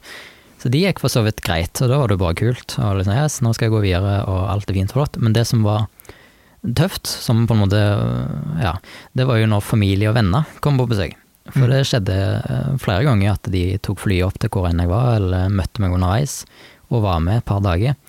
Og når de da reiste, da var det tøft. For da hadde jeg på en måte nullstilt meg sjøl, at yes, nå er jeg tilbake igjen med de jeg er glad i, og så reiser de. Og så blir du gående på nytt, aleine, og ja, får de samme tankene tilbake igjen om at alt er kjipt og alt er fælt.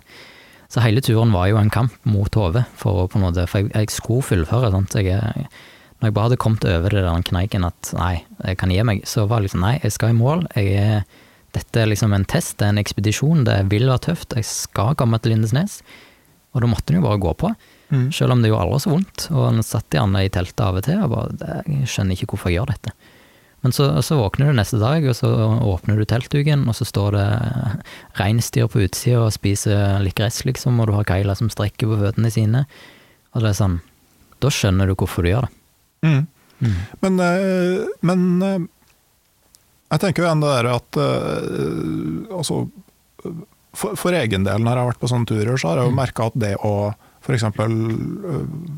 å være i kontakt hjem på satellittelefon er ikke Mm. nødvendigvis så lurt. Nei. For du rives ut av bobla. Jeg har en episode som kommer nå seinere i høst, med ei utrolig tøff eh, dame, Else Bull Hansen, som var 60 dager aleine inn i Børgefjell i vinter. Mm. Hun hadde med en sånn Garmin in InReach, og sendte liksom posisjonen at hun var i live en gang eller to i uka. Men hun sa spesifikt til dem hjemme at hun ville ikke ha noe svar på det. Mm. Eh, Rett og slett fordi at det da slipper du i større grad det som du beskriver her, når du har vært i kontakt med venner og familie og eh, sånn, så, så, det, så forsvinner du ut av bobla, og det blir mye mer tydelig hva du forsaker for å gjøre det du gjør. Ja. ja, det er et veldig godt poeng. Eh, altså, der tror jeg faktisk litt at jeg som er på en måte i litt yngre generasjon og er vant med sosiale medier og, og deler alt og får se egentlig alt alle andre gjør òg, så vil jo det alltid være en utfordring, fordi du føler fort at du går glipp av noe. Så du er liksom sånn, du føler deg avhengig av telefonen og Mm. sitter og følger med på det som skjer ute i verden. Når det som egentlig er viktig å følge med på, er det du eh, gjør der og da, midt ute på fjellet i ingenmannsland. Det er jo der en, som du sier, en faktisk burde skru av mobil og GPS og alt, og, og bare være seg sjøl, med seg sjøl. Men jeg tror faktisk det vil være en utfordring for veldig mange i min alder til å gjøre det. Mm. Ja, for det, det, er jo eh, ganske store områder, spesielt i nord, da, hvor det, du kan gå en stund uten mobildekning. Mm. Altså, er det sånn at du måte, tar en spontan topptur for å se om du får dekning, eller eh, kjør på en eh, tur Norge på langs? Det, ja, det, Norge er jo stort og mm. veldig mye villmark, så det er veldig veldig mange plasser der du ikke har dekning, og kunne gjerne gå flere dager uten dekning. Men jeg eh, sprang ikke nødvendigvis opp på en fjelltopp, men jeg hadde alltid sjekka dekningskartet til min operatør, sånn at jeg visste nøyaktig hvor eh, jeg hadde dekning, eventuelt. Det var for så vidt én ting for sikkerhet, i tilfelle det skulle skje noe, så visste jeg alltid hvilken fjelltopp jeg kunne gå på for å få dekning. Men en annen ting var òg at jeg gjerne la ruta om der som det var dekning. Hvis jeg hadde f.eks. et vann jeg skulle gå rundt, da, eh, så sjekket jeg kartet og så at på høyre side av vannet så var det dekning, på venstre side var det ikke. Da gikk jeg på høyre side. Ja. Det er litt sånn eh, En kan gjerne si at det ikke er så Du er ikke så villmarksmenneske da, men, men, jeg tror det har blitt litt den generasjonen vi har kommet til. Mm. At en er litt avhengig av den dekninga. Jeg kunne fort ha funnet på å gjort det stikk motsatte. Ja, ja. Eh, altså jeg sjekka jo ikke noe dekningskart før jeg dro til Troms. Og, og jeg merker òg hvis jeg har dekning, mm. så påvirker det meg. Uh, men jeg vil helst unngå det mm. når jeg er på tur, for det, det bryter inn i de lange, fine tankerekkene. og det, uh, det tar oppmerksomhet, da. Ja. ja nei, jeg ser på ingen måte at dekninga er bra, sånn sett. Altså, det er veldig fint å ikke ha dekning.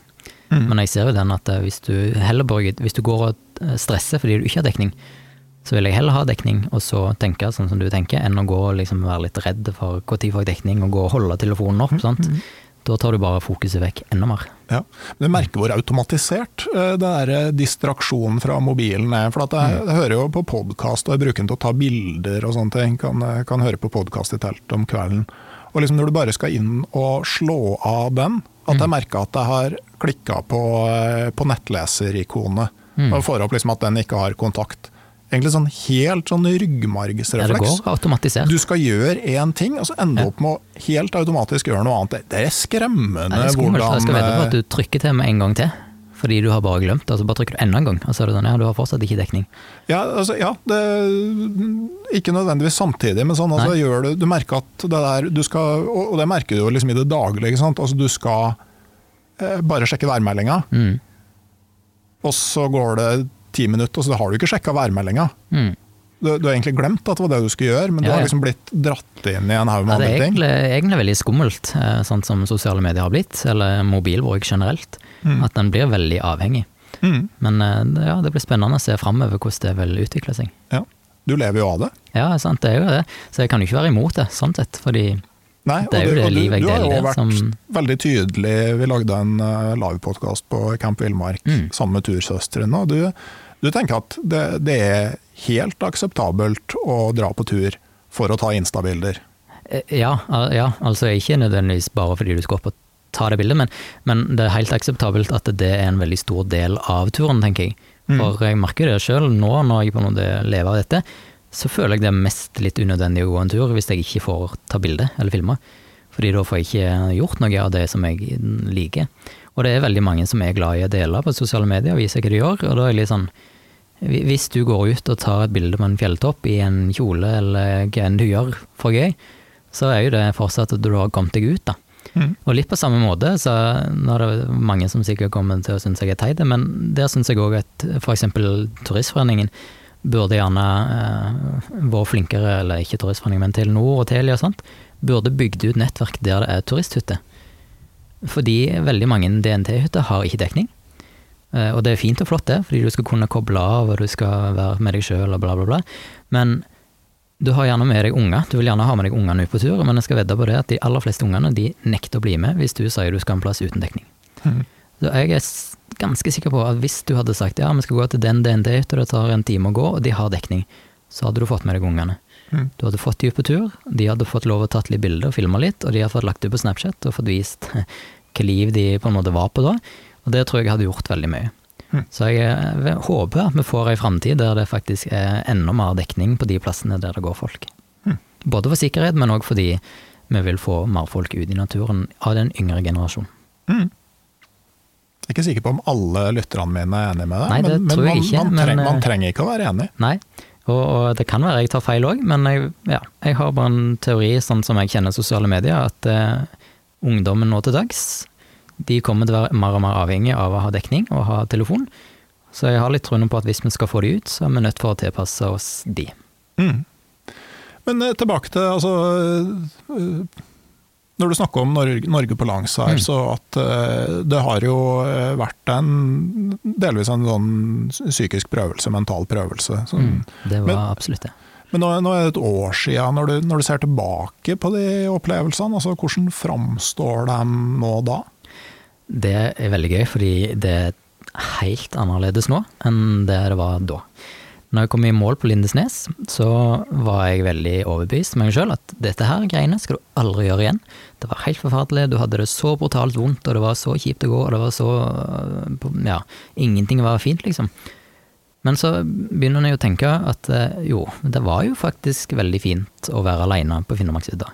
Det var jo faktisk veldig fin natur. Det var jo faktisk litt kult å prøve å krysse den snøbrua som var litt halvskummel. sant? Du fikk liksom testa litt grenser utover det psykiske òg der.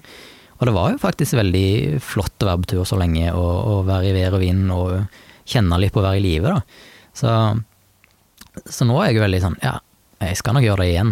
Ikke Norgeblanks nødvendigvis, men et lignende prosjekt kommer jeg garantert til å gjøre. Så jeg har veldig lyst til å gå eksempelvis Norgeblanks på ski, kanskje. Og det er sånn, det har jo kommet fordi en har lært litt av ja, alle gledene en fikk, da. Og òg dette livet med å bo i bil har kommet som et slags resultat.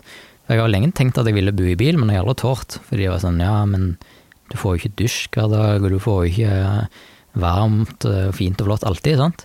Men så, jeg mener, det var jo fire måneder på tur, og meg og Kyla hadde det kjempefint, sånn sett. Det var, vi klarte oss med i et telt, da klarer vi oss vel i en bil.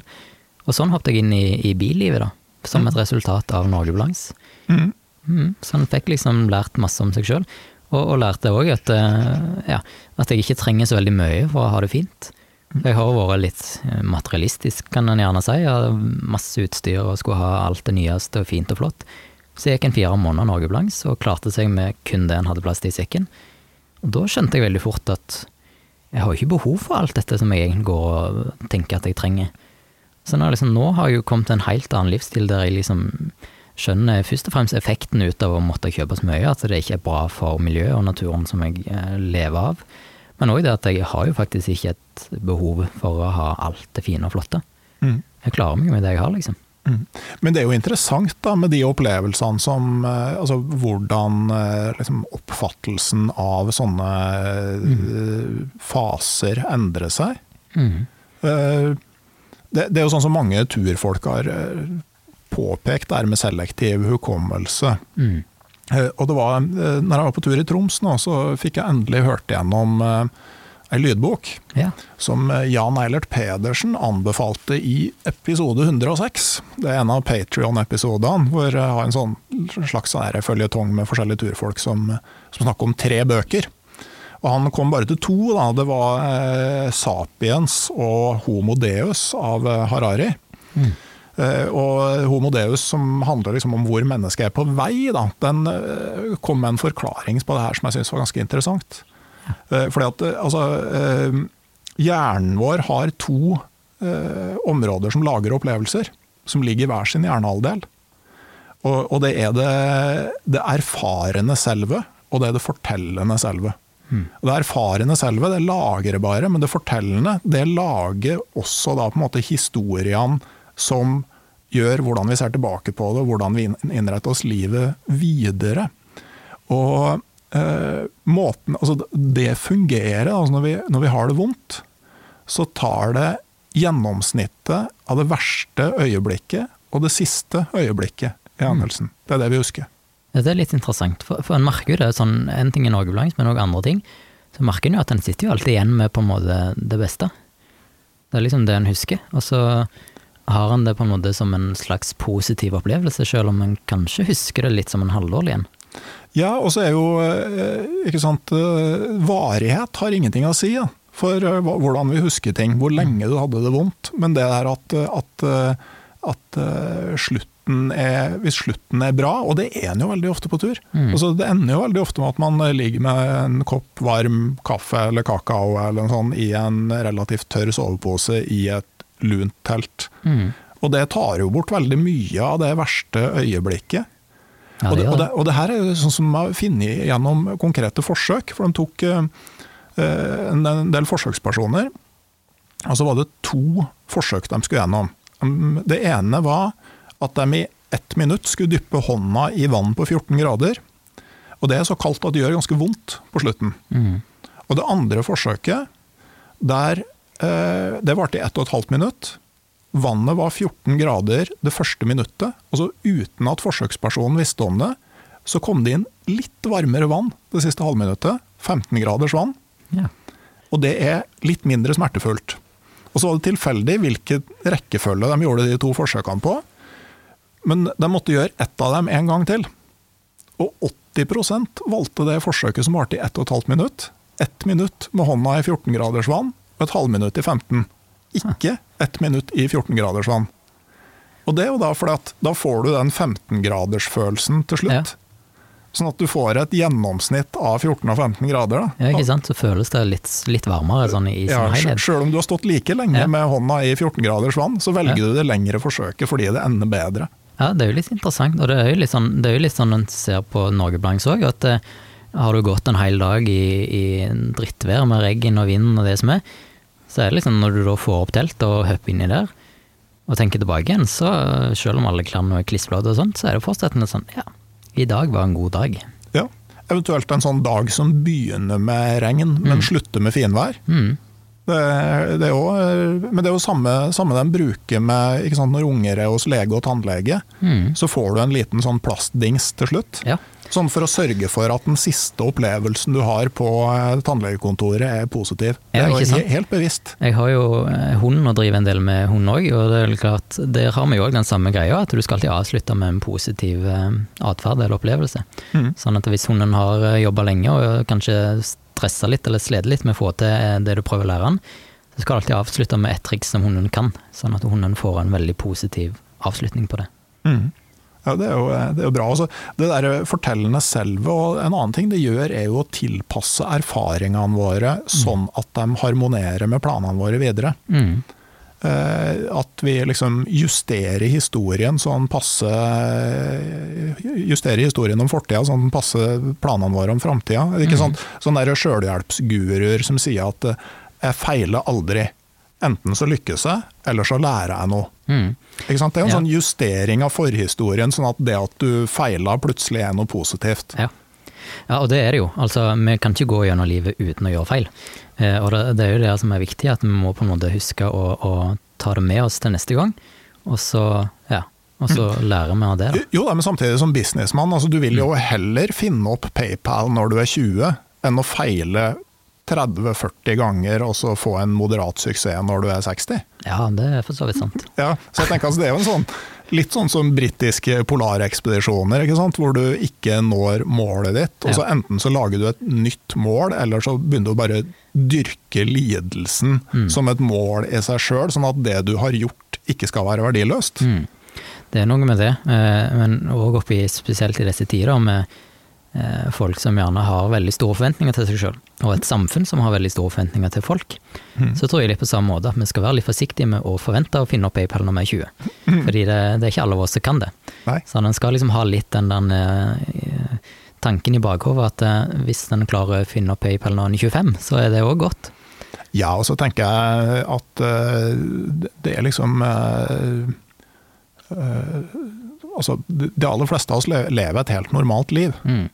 Og, og det er veldig mye altså Det er fint å kunne finne opp PayPal, da, men mm. blir du sjuk, så er det veldig fint med den hjelpepleieren som kommer og eh, steller deg åtte timer hver dag, og som, ja. som egentlig bare vil gjøre den jobben skikkelig og ordentlig, men Ja, så vil hjem til familien. Ja. Og det er en helt legitim måte, å- og en veldig bra måte å leve livet sitt på. ja og vi er avhengig av å ha begge deler. Mm.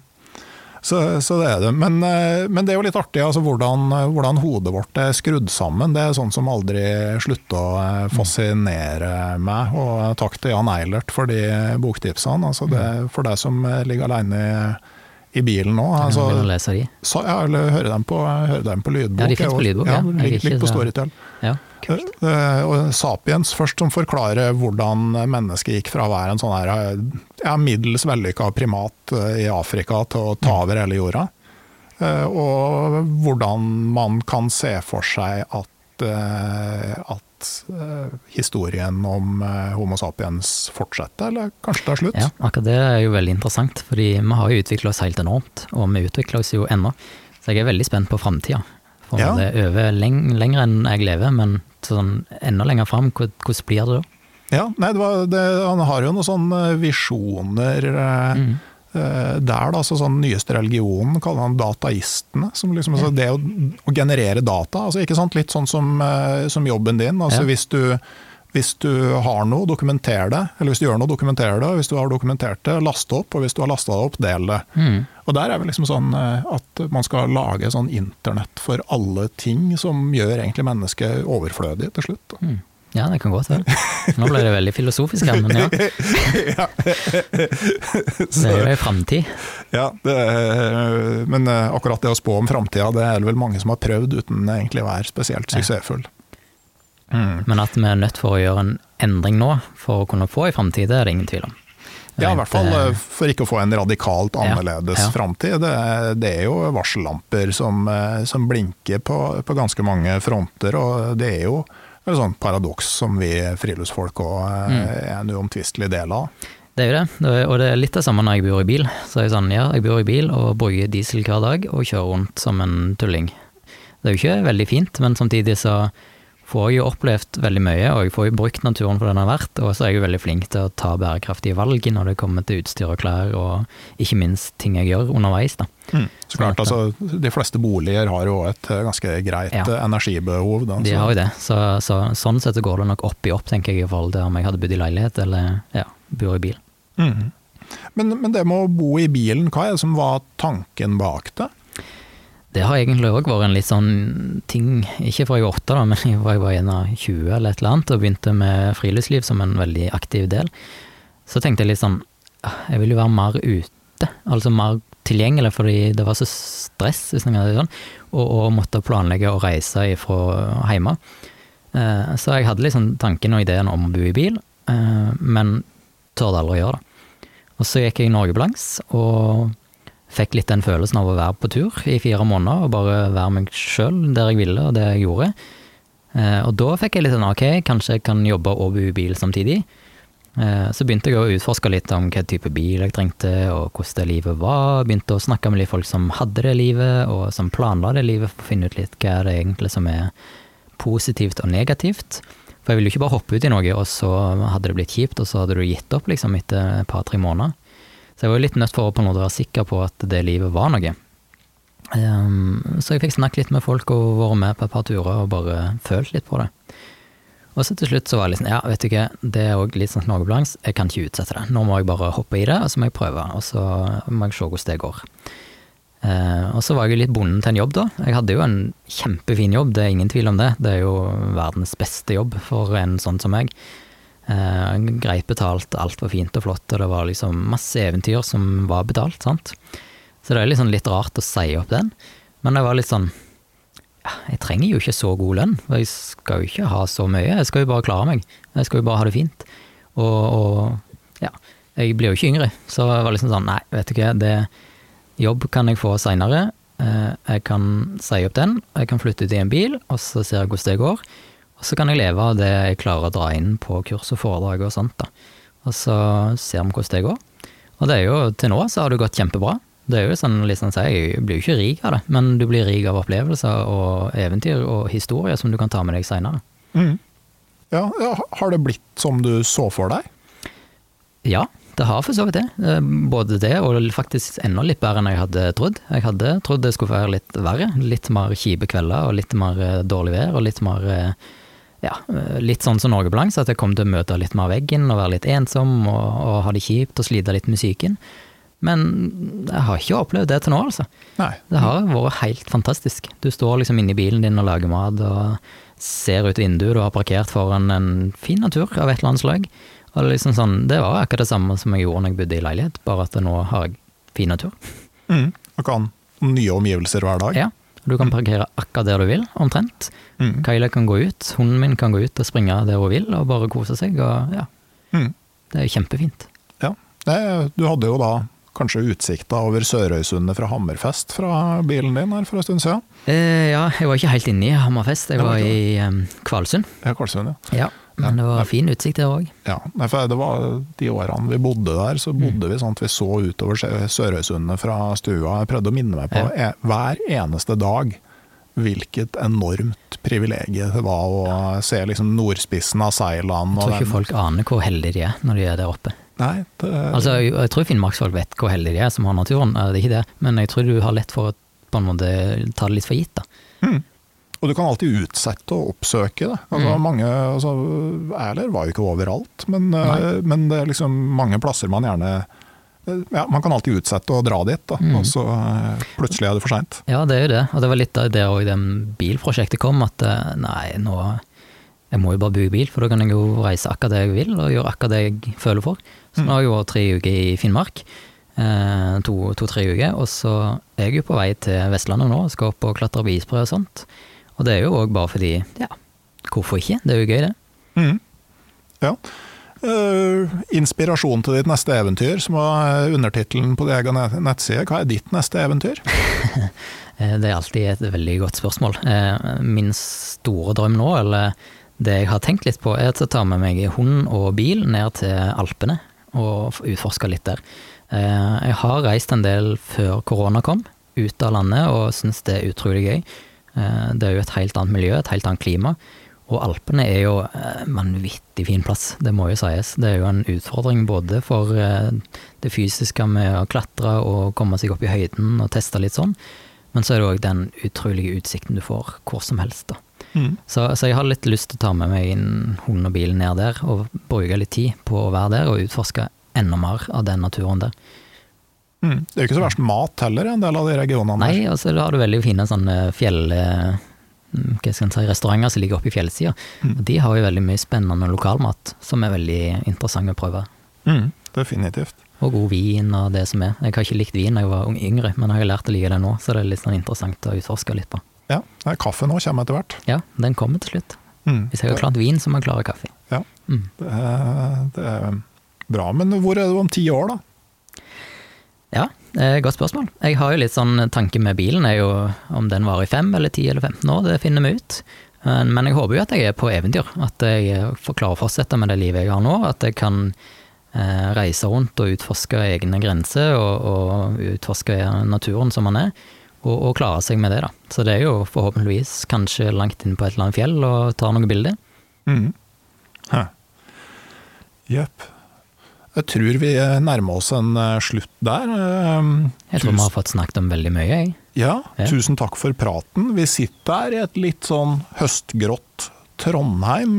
Som vanlig så spør jeg til slutt da, om du ikke hadde sittet under verandaen blant vedstablene mine her i Trondheim nå en dag midt i september. Altså, hvor ville du aller, aller helst ha vært hen akkurat nå? Akkurat nå så Mm. ville jeg faktisk ha vært inne på Børgefjell, fordi jeg kjørte nettopp forbi Børgefjell, eh, og lå og kikket opp på fjellet og tenkte der har jeg jo lyst til å gå opp og prøve å fiske. Så hadde det ikke vært at jeg skulle svinge innom deg, så hadde jeg nok kanskje brukt en dag eller to ekstra, og så hadde jeg gått opp der, tatt med meg fiskestong og hund, og bare prøvd å få fisk på mer enn fem kast. Mhm. Mm. Det er en veldig fin plass, veldig undervurdert. Når jeg gikk Norge langs, så var liksom Børgefjellet bare en passasje for min del. Men når jeg kom opp der, så brukte jeg jo fort litt ekstra tid, for jeg bare oi, dette var jo noe helt annet enn det jeg så for meg. Det var så fint, det var så viddeaktig, men med høye fjell, og du kunne bare gå akkurat hvor du ville. Ja. Og det er jo litt sånn fint gjennom Børgefjell, når du kommer fra nord til sør, så går du jo egentlig på sånn viddelandskap som ligger i midten der. Og så har du de høye fjellene i Ja. vest, og litt lavere fjellene i øst, men så er det en sånn der mild highway som går ja. Nei, nord-sør på midten der. utrolig fint å bruke noen dager gjennom der. Der hadde du ikke dekning, og det var for så vidt førsteplass på den turen at jeg faktisk syntes det var veldig greit uten dekning. Og da fikk jeg virkelig være i ett med naturen. Og det er liksom Jeg har ikke vært i Børgefjell ettersi, men det er liksom det første jeg sa når jeg kom i mål òg, at Børgefjell, der skal jeg opp. Mm. Det, det anbefales. Jeg hadde flere år hvor vi var en gjeng som lå inne der på rypejakt da, første helga i oktober. Mm.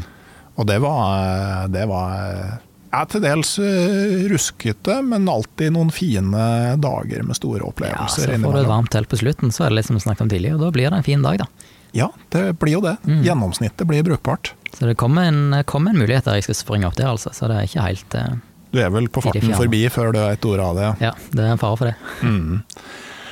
Takk igjen for at du stilte opp, eh, Jon Oberstad. Eh, Dere finner Jon som Eventyrgutten på nett og på sosiale medier. Mm. Kanskje noen av eh, foreldre- og besteforeldregenerasjonen skal sjekke ut TikTok? Ja, det er det nye, det. Det kan du se hva ungdommene ser. Ja, det er noe med det. Til slutt så vil jeg takke alle medlemmene i det digitale turlaget på Patrion, som eh, har en stor del av æren for at det er mulig å fortsatt lage den podkasten her etter over 130 episoder. Det er plass til flere i det digitale turlaget. Da får du eksklusive episoder, du får eget innhold på nett og påvirkning på produksjonen av podkasten. Last ned Patrion-appen, eller gå inn på patrion.com, søk opp podkasten Uteliv, så er det gjort på kun noen minutter å bli med i gjengen. Fram mot jul så er det faktisk ekstra gode grunner til å bli med i turlaget. Etter at jeg i kjølvannet av en livepod på Camp Villmark fant ut at jeg hadde 15 telt i kjellerboden, så har jeg bestemt meg for at det er i overkant. Eh, Sånn at eh, den tiende de tre neste månedene, oktober, november og desember, så trekker jeg ut et heldig medlem i det digitale turlaget på Patrion, som da får et av mine telt. Mer om retningslinjer for trekning og hvilke telt som ligger i potten, det finner du på Patrion eller på podkasten Uteliv på sosiale medier. Helt til slutt så gjenstår det bare å ønske dere riktig fine høstdager hvor enn dere befinner dere. Om ikke annet, stikk ut og lag en god middag. Om ei uke så kommer det uansett en ny episode av podkasten Uteliv. Ha det bra.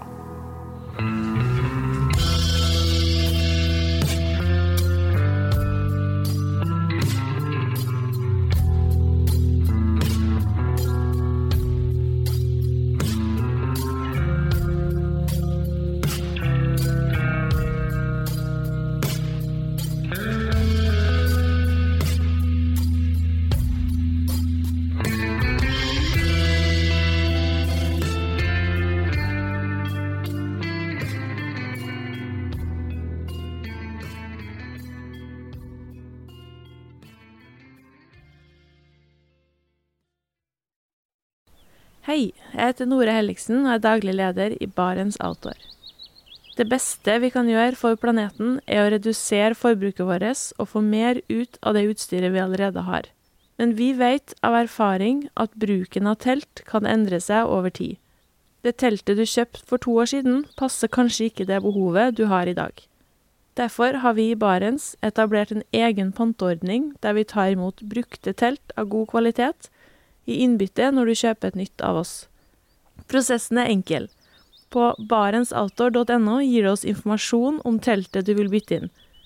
Basert på det får du et tilbud fra oss som gir deg rabatt på ditt neste Barents-produkt. Mer info og betingelser finner du på barentsoutdoor.no. Og husk at den første reparasjonen på produkter fra Barents er alltid gratis.